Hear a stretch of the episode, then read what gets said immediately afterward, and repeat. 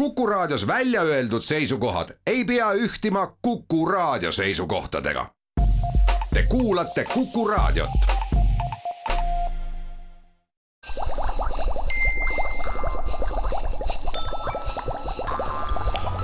kukkuv õun head Kuku kuulajad, Kuku Õun eetris. järgnevates saadetes võtame me ette riiklike teaduspreemiate saajad sel aastal, neid on üksjagu palju ja saated loodame, et tulevad huvitavad.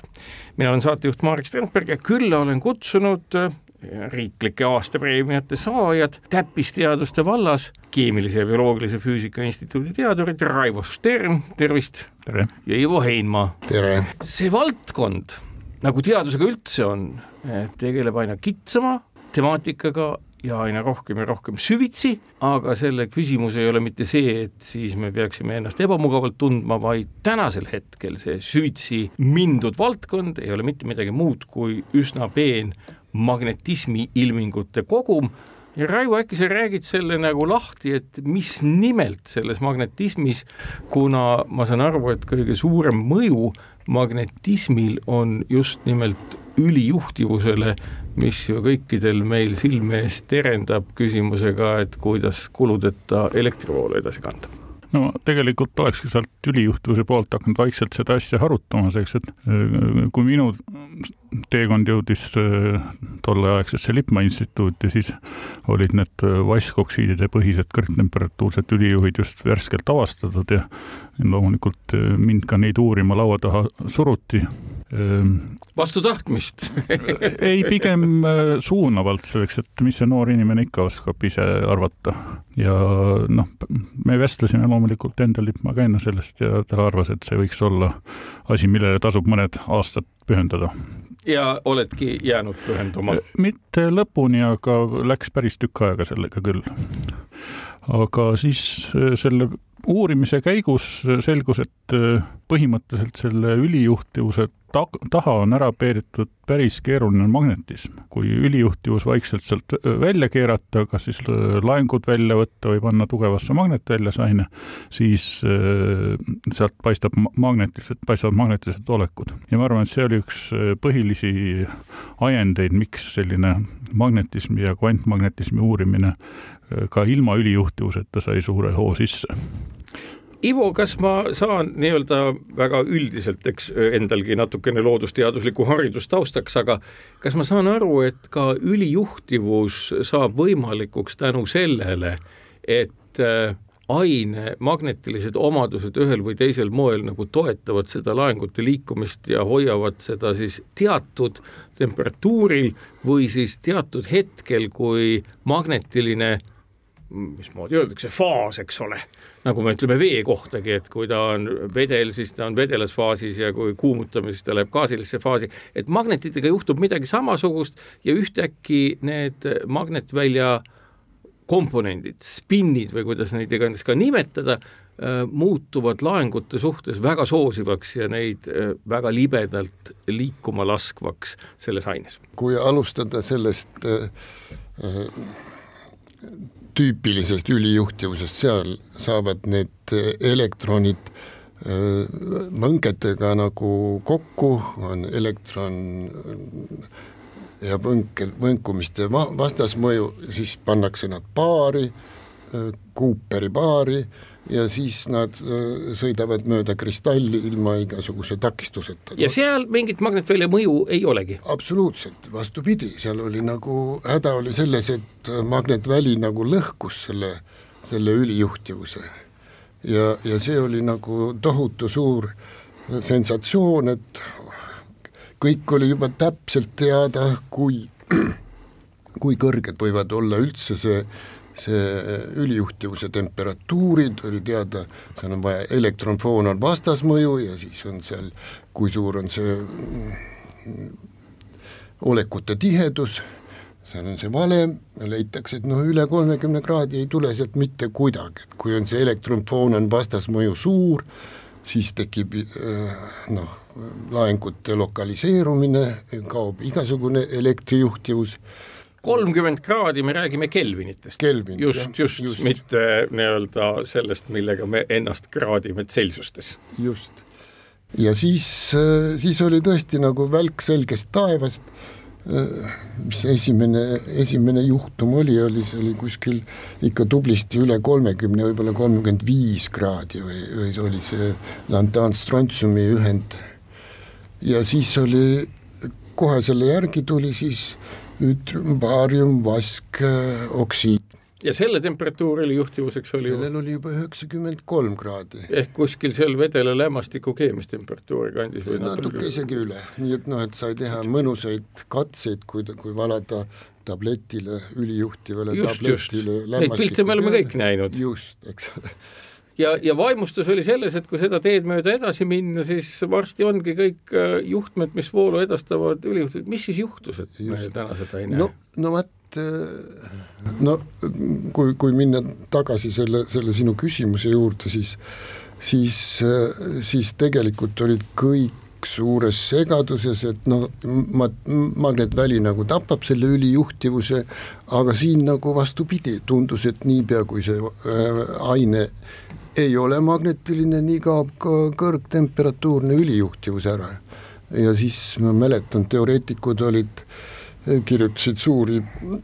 teooriaid oli väga palju, oli sel, selle, selle äraseletamiseks, aga ma mäletan, et see suur Anderson nagu kirjutas mingi artikli, mille pealkiri on, oli umbes selline, et kümme aastat sihitud ekslemist ülijuhtivuse seletamisel. ma mõtlen just seda, et mõlemad te olete ju eksperimentaatorid valdavalt, et kuidas näiteks selline eksperimentaalfüüsik, Raivo, vaatab selliste teooriate peale, istub, muigab, sügab kukalt, mõtleb välja järge, järjekordset katset, arvutab midagi või milline see teooria sisend eksperimentaatori aiu on? no tegelikult äh, vaatab äh, hea meelega, kui on teooriaid rohkem selleks, et siis on tema eksperimendil suhteliselt äh, kiire mõju selleks, et kui vähegi veab, siis õnnestub eksperimendiga vähemalt ütleme nii, et pooled välja lülitada ja pooled jäävad alles. muidugi noh, mõnikord on seda eksperimenti siis vaja ka oluliselt keerulisemalt planeerida. no meie, meie tegeleme sellise tehnikaga, mis inimestele võiks tuttav olla magnetomograafiast, kus kasutatakse aga tuumamagnetresonantsi. nii et noh, meil on äh, suhteliselt unikaalne võimalus minna selliste keeruliste oksiidide sisse ja istuda ühe tuuma peale ja vaadata, mis selle tuuma ümber toimub. ja sealt saab päris palju vihjeid sellele, missugune teooria võiks olla õigem ja missugune mitte. muideks see vana ülijuhtivusteooria tõendati ka esimest korda ära just tuumamagnetresonantsiga, selleks et sealt oli näha, et äh, kriitilise temperatuuri juhe, juures oligi see kõrgendatud olekute tihendus tuumamagnetresonants vist on osutunud üheks viljakamaks ainete sissevaatamise teeks ja viisiks, mis on toonud välja vist väga palju uusi aspekte ja uusi protsesse. no, no ja ega seal ei ole ju väga palju niisuguseid meetodeid, mis näeks lokaalselt selle aine äh, omadusi, kui tahta kauget korrapära teada, siis muidugi tuumaresonantsist ei ole palju kasu, aga aga kui me tahame teada seda, selle mm, tuuma lähiümbrust siis ei ole väga palju muid meetodeid, no on ka muidugi niisugused uuemad äh, X-ray ja no neutron äh, hajumise eksperimendid, mis tegelevad nagu aga sealt jäävad näha, sealt näevad näha ikkagi valdavalt tuumad, mitte seal ümber olevad elektronid ja nende askeldamised. ei, miks, elektronid satuvad äh, tuuma lähedusse, tuumale ja tekitavad seal äh, selle lokaalse magnetvälja noh, äh, mingi konkreetse äh, ei, ma pidasin silmas, et needsamad, ütleme, neutronhajumise asjad, et nendega me näeme ikkagi ainult tuumi, mitte elektrone. ja tuumamagnetresonants on see, millega me hakkame aga, nägema elektrone. jah, seda küll, seda küll, seda küll, aga, aga, aga nendel difraktsioonimeetoditel on jälle omad eelised, et noh, näiteks magnetilist korrastatust mida tuumaresonants näeb lokaalselt, näeb, et seal on magnetväli, aga kuidas on selle noh, struktuur, selle lokaalse spinni struktuur, siis seda, seda, seda peab paraku ikka neutron vaatama äh, Raivo, mis imelikkusi olete te siis oma nii-öelda magnetvälja uuringutega erinevates ainetes tähele pannud? no nüüd me lähemegi sellest äh, ülijuhtivusest äh, suhteliselt otsustavalt eemale, selleks et kõige lihtsam viis selle keerulisema magnetismi mõõt-, arusaamiseks ja mõõtmiseks oligi see, et ülijuhtivust tuleks ära unustada, välja lülitada ja tegeleda ainetega, mis lasevadki seda magnetismi puhtalt uurida. ja no meil praegu selle preemia teemaks olnud tööde hulgas on noh, väga mitmepalgelisi ühendeid, meil on seal orgaanilisi ühendeid, kus me oleme tegelenud struktuuriga, seal on anorgaanilisi ühendeid, mis on põhimõtteliselt ka vaskoksiidid näiteks,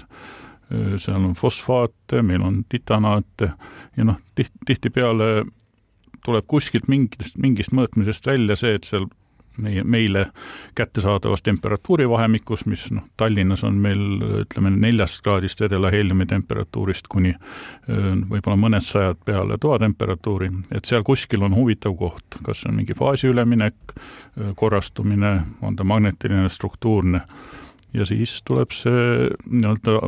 aatomite ja nende ümbruste peale vaadata või tuumaresonants tuleb siis appi, aitab välja selgitada, mis päriselt juhtub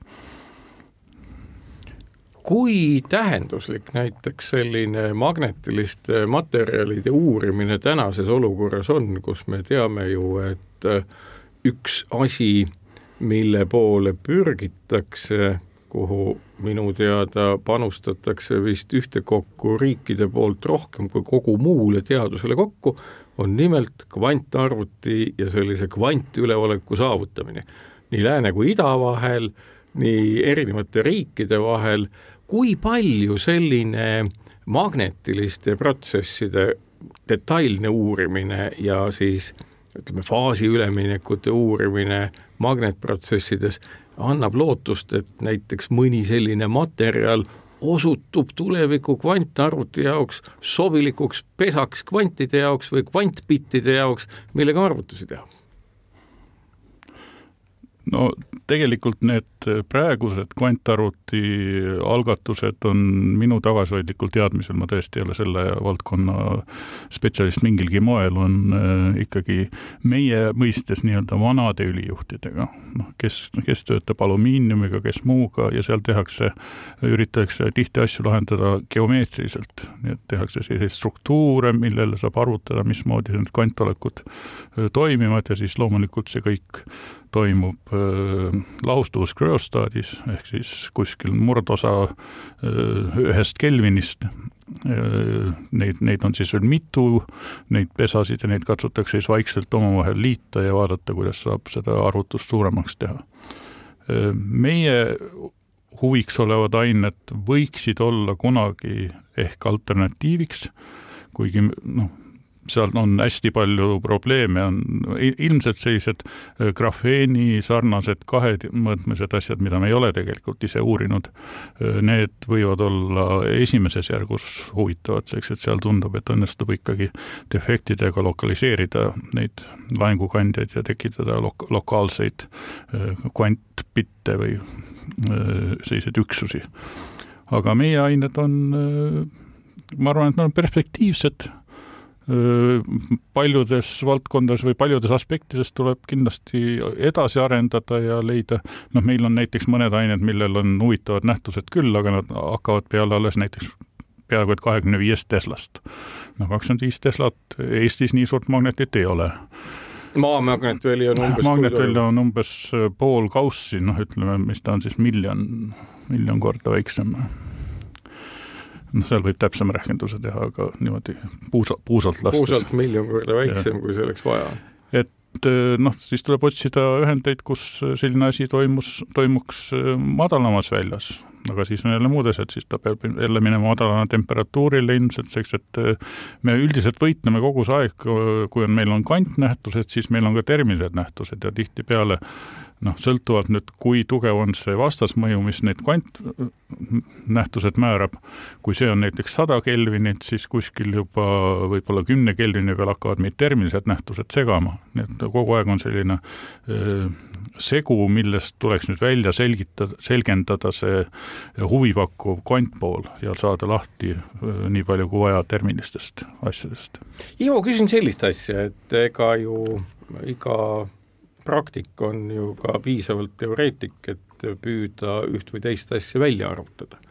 kui lihtne on tänasel päeval kogu seda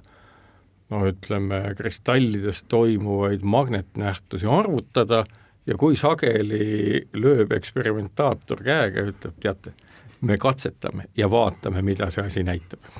just, just see, selle, sellelaadne rehkendus on viimasel ajal noh, väga, väga suurt niisugust teoreetikute kõlapinda leidnud, aga aga need on ikka, ikka väga keerulised kvantkeemilised äh, rehkendused või, või ka noh, Greeni funktsioonid ja mis kõik sinna, sinna sisse läheb, nii et me et pigem jääks, jääks katsetamise juurde. ma saan aru, et me oleme jõudnud enam-vähem ka füüsikas samasse seisu nagu Elon Musk äh, Äh, kui äh, ta otsustas, et äh, tuleb konkureerida riikliku kosmoseagentuuriga ja hakata ehitama paremaid rakette, ka temal oli see dilemma, nagu ma tean, et talle sattusid siis hulgaliselt raketiteaduse teoreetikuid, kes ütlesid, et nüüd me peame arvutama hakkama. Ja kui ta vaatas neid arvutamise hindu, siis ta ütles, et kuulge, mul on lihtsam teha katse, milline rakett toimib ja milline mitte, see on odavam kui see arvutus. kas täna on ka, oleme me ka selles situatsioonis, kus eksperimentaalsed vahendid on nii täiuslikud ja selline eksperimentaatori intuitsioon niivõrd hea, et pigem jõutakse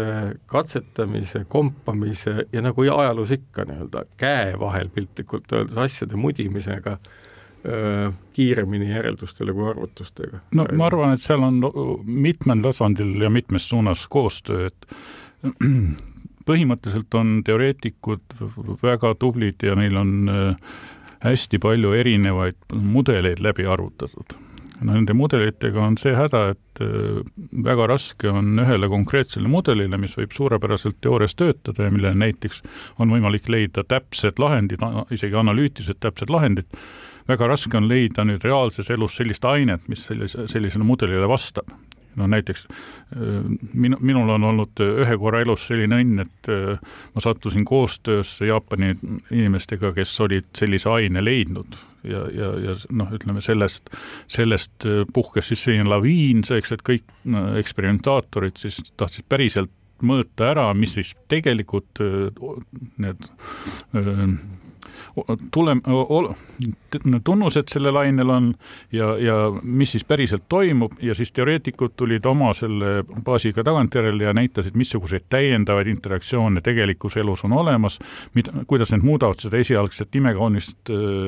teoreetilist mudelit ja sealt on arenenud noh, hästi suur laviin edasi ka igasugu noh, kvant Monte Carlo ja selliseid noh, kuidas öelda, jõuga läbiarvutamismeetodeid, millest nüüd on võimalik vaadata, et see, kas see tulem läheb kokku sellega, mida eksperimendis läht-, nähti või mitte. nii et see ei ole nii, niisama lihtne, et nüüd ma teen ainult eksperimenti ja kui ta lendab, siis ta lendab ja siis mul ei ole enam teooriat vaja sinna juurde, vaid ikkagi noh, tegelikult käib selline vastastikune dialoog, pidev dialoog, et et teoreetilised asjad ja kui see teoorial on jälle siis mingi küsimus, et kas ta läheb natuke vasakule või vasak- või veidi paremale, siis on hea, kui jälle mõni eksperiment teeb sealt paar sammu edasi ja näitab, näitab, kuhu poole siis see tegelik elu läheb, nii et ma arvan, et et see, see on võib-olla enam-vähem niisugune õige kirjeldus tänu asjadest. sa räägid äh, boraadist, sellest ma räägin strontsiumbaskboraadist, jah ja,. see on kui, kui tohib ma ja loomulikult võib, selleks see saade ongi, et äh, ma... inimeste silmi avada. see on, see on, see on silmapaistev niisugune magnetismi nähtus, et äh, kui ta on, kui ta on niisuguses normaalses olekus, siis on, siis on tal, ta tüüpiline äh, tiimerite süsteem, mille magneetuvuse saab, noh, analüütiline valem on selle jaoks, kuidas magneetuvus sõltub temperatuurist, no väga, väga hästi toimib. aga nüüd nad panid, panid selle magnet välja ja selgus, et no selle põhiolek on siis nagu diamagneetiline, et no need diimerid lähevad paaridesse ja ja magnetväli läbistab ja, seda lihtsalt. ja, ja, ja magnetväli kaob ära, need spinnid noh, muutuvad singletseteks. aga jah, siis nad, need, nad on singletsed, aga aga nad keerasid sinna magnetvälja peale ja selgus, et nüüd tekib uuesti mingi magnetiline struktuur. ja see struktuur oli siis nagu, nagu päris tükk aega noh, keerad veel natuke juurde, aga see struktuur on ikka samasugune. ja siis keerad veel natuke juurde, siis selgub, et seal tekib mingi teine struktuur. ehk et aine, mille või, või jah, aine, mille magnetilised olekud vahetavad oma faase või seisundeid sõltuvalt magnetvälja tugevusest. just, jah, ja kas see, kas see on esimene selline aine, mis üldse leitud on või on neid veel, no mingil määral me teame, et paned magneti raua vastu ja temast saab magnet, aga, aga ma saan aru, et see on veel peenem värk. et seal on minu, minu meelest see oli vist üsna, üsna, üsna esimene selle, sellelaadne, et et ja, ja teoreetikud tegelevad sellega vist nende astmete välja rehkendamisega siiamaani, et noh, et see, see oli tõenäoliselt ikka, oligi vist päris esimene no, nähtus eksperimentaalfüüsikas ei ole väga palju neid parameetreid, üldiselt võib nad suhteliselt kiiresti üles lugeda, mida sa saad võtta, kui sul on nüüd mingi aine ja kuidas sa saad tema põhiolekut katsuda paremini mõista. noh, millest me juba oleme rääkinud, on temperatuur, me jahutame ta hästi madalale maha või soojendame natuke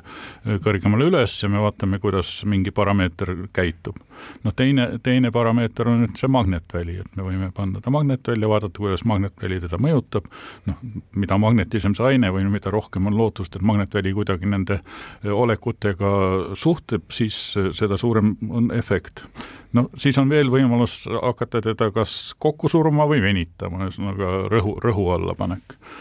ja minu meelest nagu enam-vähem siis ongi ring peal, et noh, midagi väga palju muud, no siis saab hakata te teha, saab hakata tegema keemilisi trikke, kus me lihtsalt hakkame näiteks mingeid aatomeid teiste vastu välja vahetama, on nad siis erineva valentsiga, siis me muudame laengukandjate arvu aines, aga kas need siis hakkavad liikuma või, või jäävad lokaliseerituks, no see on siis kõik nagu uurimise teema. aga selles strontsium boraadis, seal on siis põhimõtteliselt on on nagu noh, võib lihtsalt öelda selle kohta, et seal on kaks sellist energiat, on nagu potentsiaalne energia ja on kineetiline energia. potentsiaalne energia hakkab nüüd nendest singlettidest triplette öö, moodustama, aga kui see kineetiline energia on väga väike või ütleme, kui nad ei saa ringi liikuda, siis see interaktsioonide jaotus, see määrab nüüd ära, mis hetkel see uusolek, noh tavaliselt tekib sellega lõplik magneetuvus ainel ja kuna see kestab jälle teatud magnetvälja vahemikku, siis nimetatakse magneetuvusplatoodeks. ja noh, näiteks selles strontsium boraadis on neid teada noh, ütleme, sul on maad minna nullmagneetuvusest kuni küllastunud magneetuvuse, mis oleks üks, no seal tulevad platood nagu üks kaheksandik, üks neljandik, üks kolmandik, üks kahendik, no selle ühe kahendikuga on juba see probleem, et see tuleb kuskil kaheksakümne kahe Tesla juures. noh, seda ei ole väga lihtne enam uurida. see ja, on vist niimoodi, et sinna ei saa isegi sinna saab praegu hetkel saab pulss magnetväljadega sinna. ainult niimoodi. ma mõtlen, et kas see tähendab seda, et ennem kui me vaheajale läheme, et põhimõtteliselt magnetväli oma nähtusena on samamoodi kvantnähtus nagu ma ei oska öelda, elektronide ergastamine, et neelab kvandi, ergastub, läheb oma algtasemele tagasi, nii nagu mingis molekulis või kus iganes. no selle näite puhul ei ole see magnetvälja omadus, vaid see on selle ei, ei. aine, aine omadus ja nüüd me võime kujutada ette ja meil on siin nimes, nimekirjas ka neid aineid, kus see vahekord on teistsugune, ühesõnaga, kus põhimõtteliselt on see kineetiline energia, see liikumisvõime on väga hea ja siis hakkab lihtsalt nii, kui jõutakse selle magnetvälja, kriitilise magnetväljani, kus see singlet ära lõhutakse, siis hakkab pidevalt tekkima neid triplette ja põhimõtteliselt magnetväli võtab mingis mõttes nagu keemilise potentsiaali ülesande enda peale, et nüüd me saame sujuvalt nullist minna kuni üheni ja nüüd, kui me hakkame seda piirkonda uurima, siis vot seal madalal temperatuuril tekib uus huvitav olek, mida nimetatakse Bose-Einsteini kondensaadiks. aga sellest Bose-Einsteini kondensaadist, mis on juba nime poolest päris põnev asi, räägime pärast väikest vaheaega. Kukkuv Õun head Kuku kuulajad, Kuku Õun jätkub täna üsna tavatu teema, magnetvälja nüansid meie ümber looduses ja räägime seda Keemilise ja Bioloogilise Füüsika Instituudi teadurite Raivo Sterni ja Ivo Heinmaaga, mina saatejuht Marek Strandberg ja Raivo lõpetas eelmise saateosa Bose-Einsteini kondensaadiga. ma saan aru, et see on mingisugune selline olek, mida no ütleme, tavateadvuses võiks pidada omalaadseks vedelikuks või? no eks ta on jah, üks kvantvedelik ja, ja noh, põhimõtteliselt võib seda saada ilmselt igasuguste bosonitega, teda on tehtud äh, eksitonidega, noh siin antud hetkel on meil siis kas, kas magnonid või mõnedele meeldib neid kutsuda triploniteks, kuna ta on see triplet äh, olek, mis on singletist ergastatud. ja ma arvan, et ne, neid näiteid on veel ja noh, teoreetiliselt tuli ta kuskil, ma pakun, et mingi tuhat üheksasada kakskümmend neli olid äkki need äh, India füüsiku Bose, Bose ja siis Einsteini tööd. aga, aga eksperimentaalselt ei ole väga palju siiski neid aineid, kus seda on nähtud ja no tihti ta kipub olema väga madalal temperatuuril, noh näiteks üks mänguväli on need äh, laseritega aeglustatud aatomid, kus siis äh, üritatakse seal kokku panna erinevaid struktuure, mis võiksid siis ja noh, vist on ka läinud juba sellisesse Bose-Einsteini kondensaadi olekusse. no meil, meil on siis selleks parameetriks magnetväli ja jällegi see magnetväli on, ei ole nii väga väike, selleks et kui ta oleks veel hästi, hästi väike, siis me peaks ilmselt töötama oluliselt madalamatel temperatuuridel, aga noh, ütleme, kui kasutada Euroopas saad-, saadaolevaid äh, kõrge magnetvälja laboratooriumeid, mille nimi on Euroopa magnetväljade labor, siis sellel on erinevad kontorid Grenoblis, Toulouse'is, Dresdenis ja Nijmegenis, äh, kolmel, kolmes eri riigis, siis näiteks Grenoblis on võimalik teha tuumamagnetresonantsi äh, väljatugevustel kuskil kahekümne viiest kolmekümne teslani ja minna temperatuuriga alla siis lahustuvuskroostaadi temperatuurideni, no ütleme viiskümmend millikelvinit. ja vot sellel temperatuuril, kui seal magnetväljaga nüüd mängida, siis noh, meil on niisugune tore aine, mille nimi eesti keeles võiks olla Hanni violett, see, miks see on mingi ürgne pigment, nagu saan. seal, sellest võib rääkida veel eraldi loo, miks sellest peakski rääkima ühe eraldi loo. Midagi sellest on kunagi Tiit Kändler isegi üles kirjutanud, aga jah,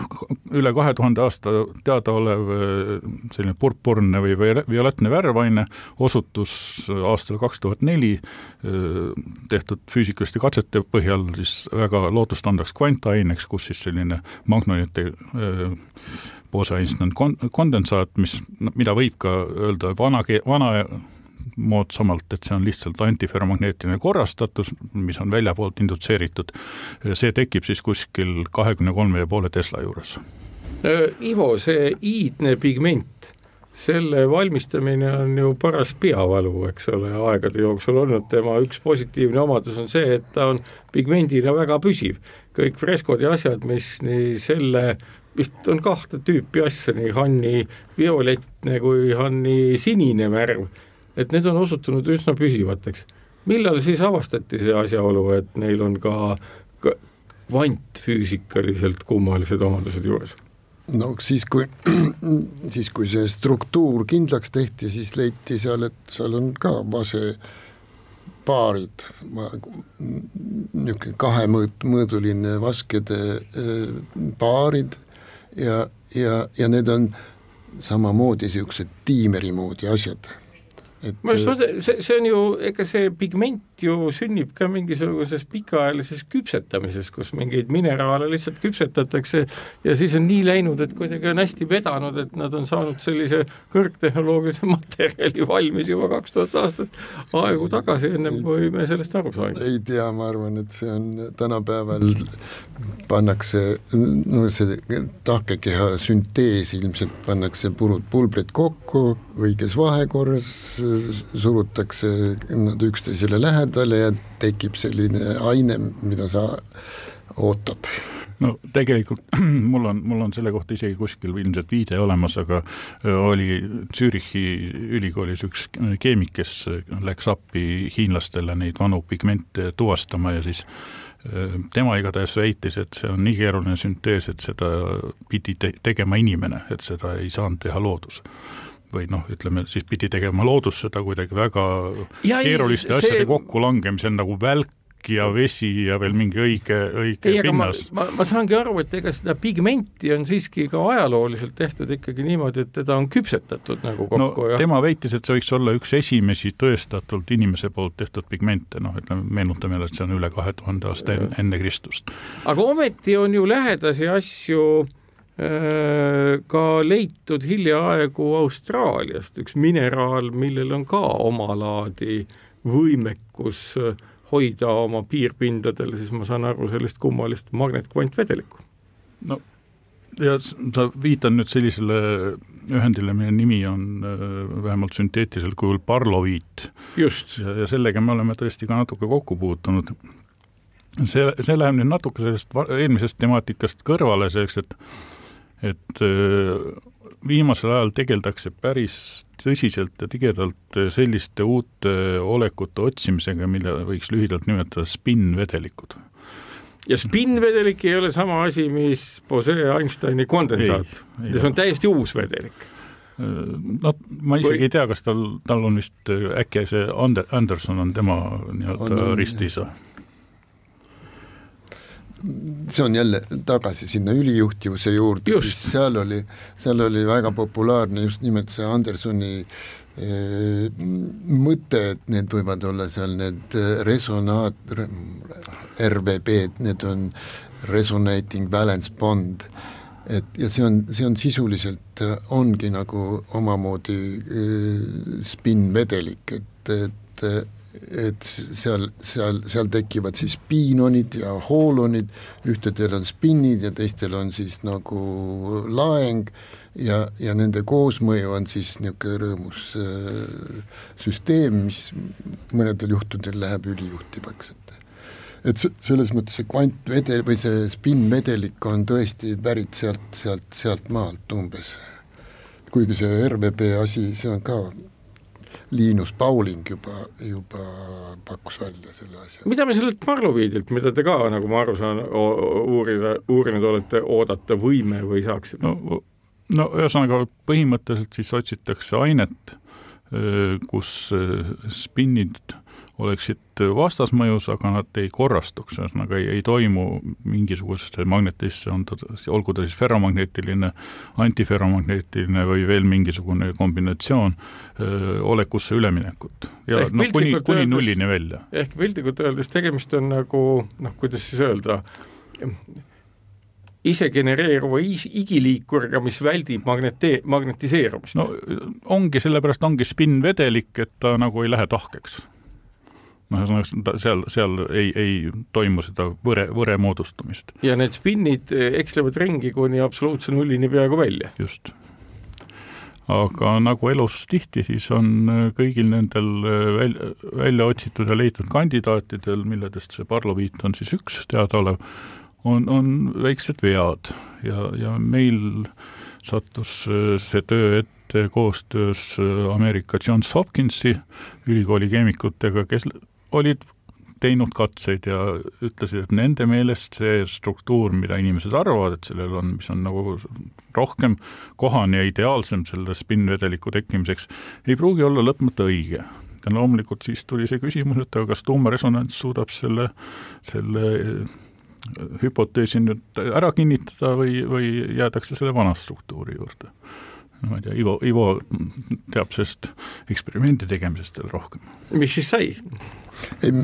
tähendab see, see abiks oli siin ütleme, kõrge lahutusega tuumaresonants, mis saadakse siis, kui pannakse proovi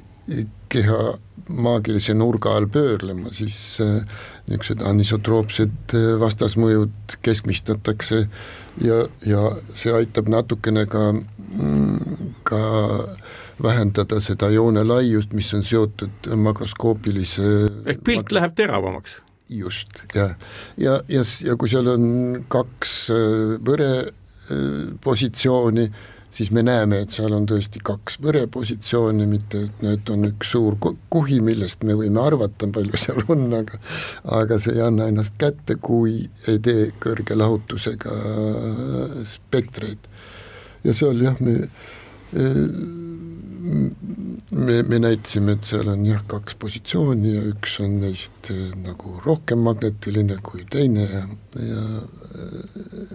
ja, ja see, see vähemasti piirab eh, nüüd ütleme, teoreetilisi mudeleid, mis võiks asja nagu, nagu seletada või ümber lükata või. kas ma saan aru sellest jutust laiemalt, eh, ennem kui ma lõpetan, aga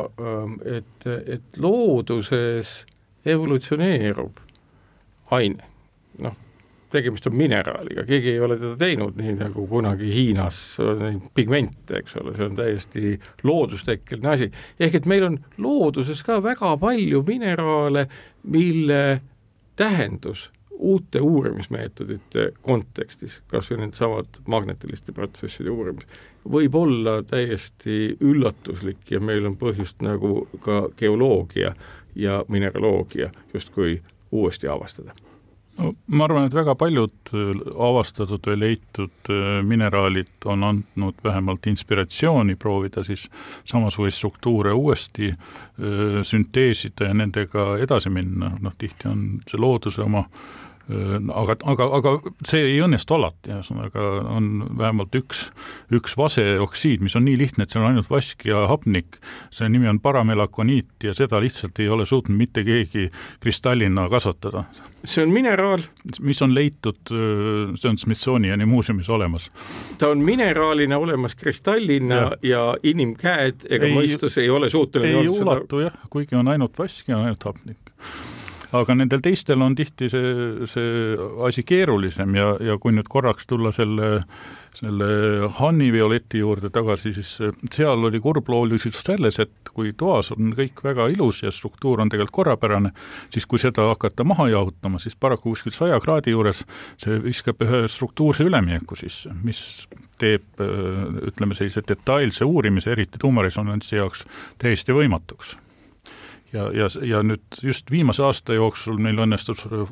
lõpetada siis töö, kus saksa keemikud jõudsid, tegid niisuguse väikse triki, et kui seal natuke baariumit strontsiumi vastu vahetada, siis õnnestub see struktuurne üleminek maha suruda ja nüüd oli meil äkki aine, mis põhimõtteliselt, mille omadused on endiselt selle Hanni Violetile lõpmata sarnased, aga, aga kus ei ole seda üleminekut ja kus nüüd õnnestub tuumaresonantsiga päris lõpuni alla madalate temperatuurideni ainet uurida ja tõestada seal ära lahtiseid küsimusi, nii et noh, mõnikord on selline korrastamatuse sissejuhatamine korrastatud kristalli hoopiski kasulik. siinkohal teeme ka saatesse väikese pausi.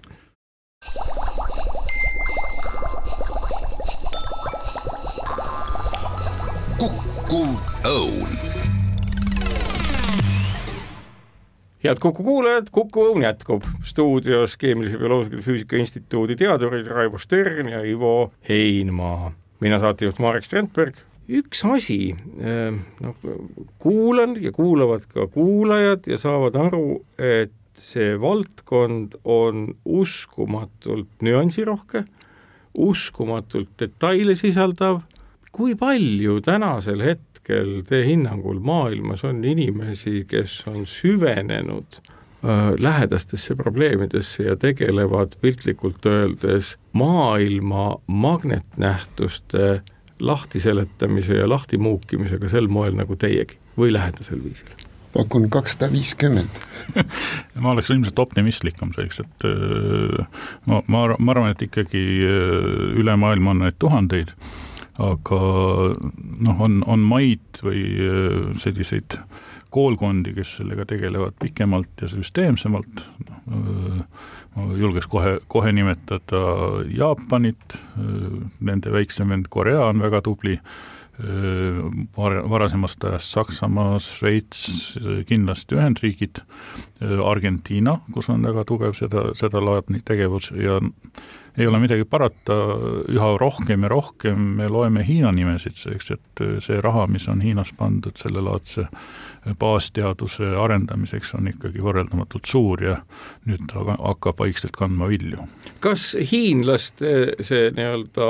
noh, nii-öelda, mis ma kord juba siin saates mainisin, see küsimus kvantüleoleku saavutamisest, kas see on komponent sellest nii-öelda kvantüleolekust, mille poole kõik pürgivad, et erinevad kvantprotsessid protsessid oleksid noh, nii-öelda nende kontrolli all ja siin mainitudki juba seesama kvantarvuteisse panustatav, mis ületab muu teaduse sisse minevat rahastust mäekõrguselt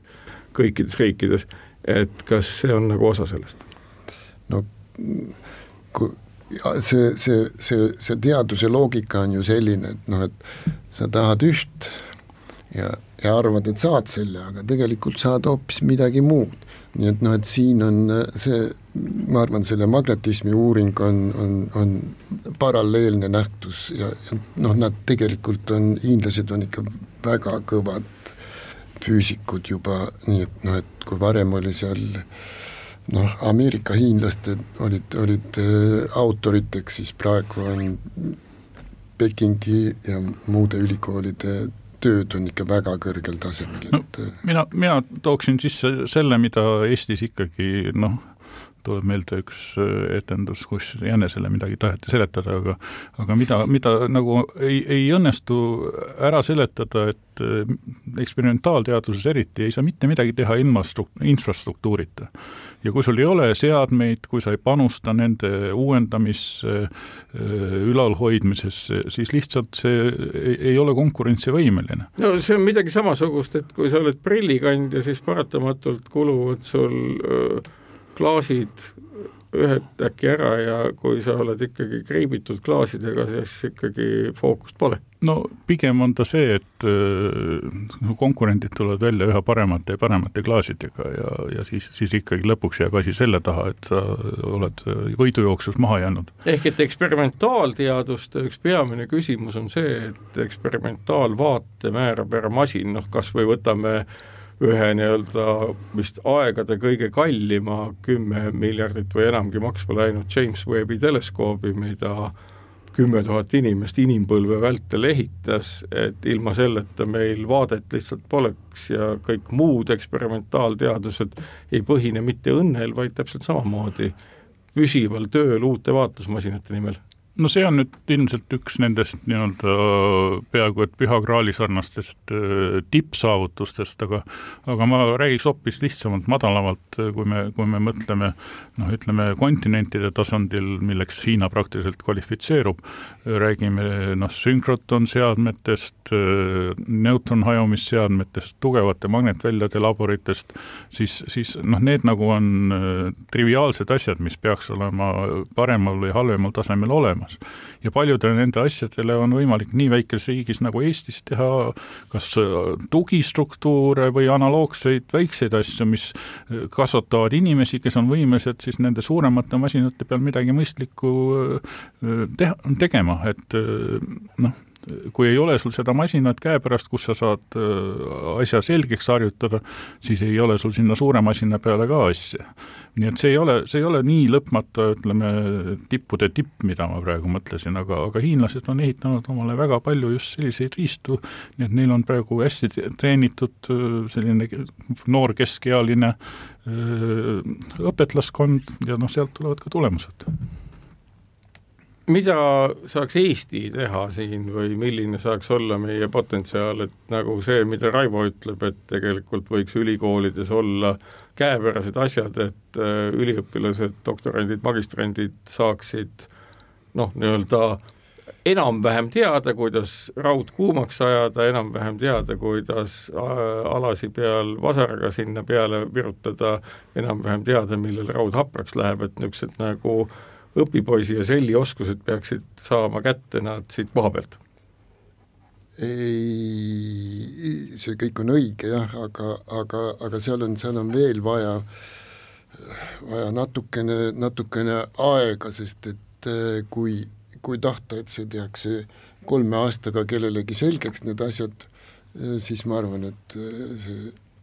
see tulemus ei ole kuigi pikalt sul on läinud, et sa tunned, et sa ujud selles valdkonnas juba nii enam-vähem, püsid vee peal ja märkad horisonti ja kõike muud? ma ei julge ütelda, aga ikka, ikka pigem, pigem kolmkümmend ja peale, eks ole. ehk et see on, on mõnes mõttes selline ehm, noh, kuidas ma nüüd ütlen, kultuuri mõttes üsna suletud ringi valdkond, aga selle tähendus, et sa saad mingist valdkonnast looduses väga täpselt aru, see on hindamatu. No sa muidu ei saa aru, kui, kui sa sellega ei tegele ja no vaata, kui sa nüüd vaatad jaapanlasi, eks ole, nende koolkonnad on ikka väga stabiilsed, noh, selles mõttes, et, et ühed ja samad inimesed tegelevad äh, kümmekond aastat ja, ja enam-vähem samasuguste probleemidega, samasuguste meetoditega ja, ja sealt tulevadki need tulemused, ega samamoodi on Šveitsis ju, eks ole. seal on, seal on inimesed, kes on sellega tegelenud kolm-nelikümmend aastat ja ja, ja nüüd hakkab nagu ilmselt jah, mure, et nüüd on vaja kedagi, kedagi jätkama ja, ja noh, niisugune aga, aga põhimõtteliselt on muidugi, et noh, et sul on, sul on vaja selleks aega, et sul see asi natukenegi nagu külge jõuab. Kuidas teie sisetunne on, et äh, nüüd veel viis aastat ja siis veel kümme aastat ja siis võiks veel, veel kümme aastat tööd teha, et ma saan aru, et see on valdkond, kus nagu äh, kogemus kaalub kõvasti üle äh, ea kui sellise, mis sageli on nagu öeldud, et oh, et nagu ainult noores eas tulevad mingid ideed pähe, et see on niisugune, niisugune kivi kivi haaval ehitatav teadmine, jätkusuutlik amet. Tundub küll, et see noh, natuke vajab aega ikka jah, ja, ja, ja harjutamist. natukene, kolmkümmend aastat ja siis hakkab tulema no eks seal on kindlasti mingisugused kõverad, nii või, võimist ja teadmist ja kõverad olevad omavahel kuidagi ähm, superpositsiooni ja võib-olla alguses on ühtesid vähem ja lõpus võib-olla teisi vähem. Nii et eks, eks ta ikka mingisuguseks selliseks maksimumiga kõveraks ütleme, vähemalt see edukus kujuneb. Aga võib-olla jah, nagu mõistmist ja mõtlemist selle peale, noh näiteks võtame nüüd jälle täiesti ebaõiglaselt teisest valdkonnast, no kas keegi nüüd Arvo Pärdile julgeks soovitada, et aga äkki viskaks mõne poploo või läheks Eesti Laulule, et et noh, nagu juba võiks ju osata midagi kirjutada. kas teie füüsika Arvo Pärdid olete leidnud endale järelkasvu? no eks e, see on raske küsimus, eks, et äh, Äh, ei ole ma esimene, kes äh, ilmselt jälle kordab seda, et äh, kui juba kooliõpetaja saab rohkem kui ülikooli või, või teadusinstituudi õppejõud kas või palka ja, ja, ja kui rektorid peavad ministrile nii-öelda otse ütlema, et nemad ei, lihtsalt ei kirjuta alla äh, paberitele, kui raha juurde ei tule, no see, ikkagi me lõpuks jõuame mingis mõttes selle äh, ühiskondliku toe ja, ja sellega kaasneva rahastamise juurde välja. Et kui seda perspektiivi ei ole, siis me, me üldiselt äh, tahame üliõpilasteks äh, tarku ja mõistusega inimesi ja ja, ja nendel ei õnnestu kuidagi selgitada, et nad peaks ilma palgata seda meeldivat tööd tegema järgmised viis või kümme aastat või siis kolmkümmend. aitäh, Raivo Stern ja Aivo Heinma tulemast rääkima sellest, mille eest nad on saanud riiklikku teaduse aastapreemia täppisteaduste valdkonnas ja muudest teaduse probleemidest ka. Mina olen saatejuht Marek Strandberg, Kuku Õun on sellega läbi ja kuulake meie saadet jälle täpselt nädala pärast. kaunist päeva teile! kukkuv õun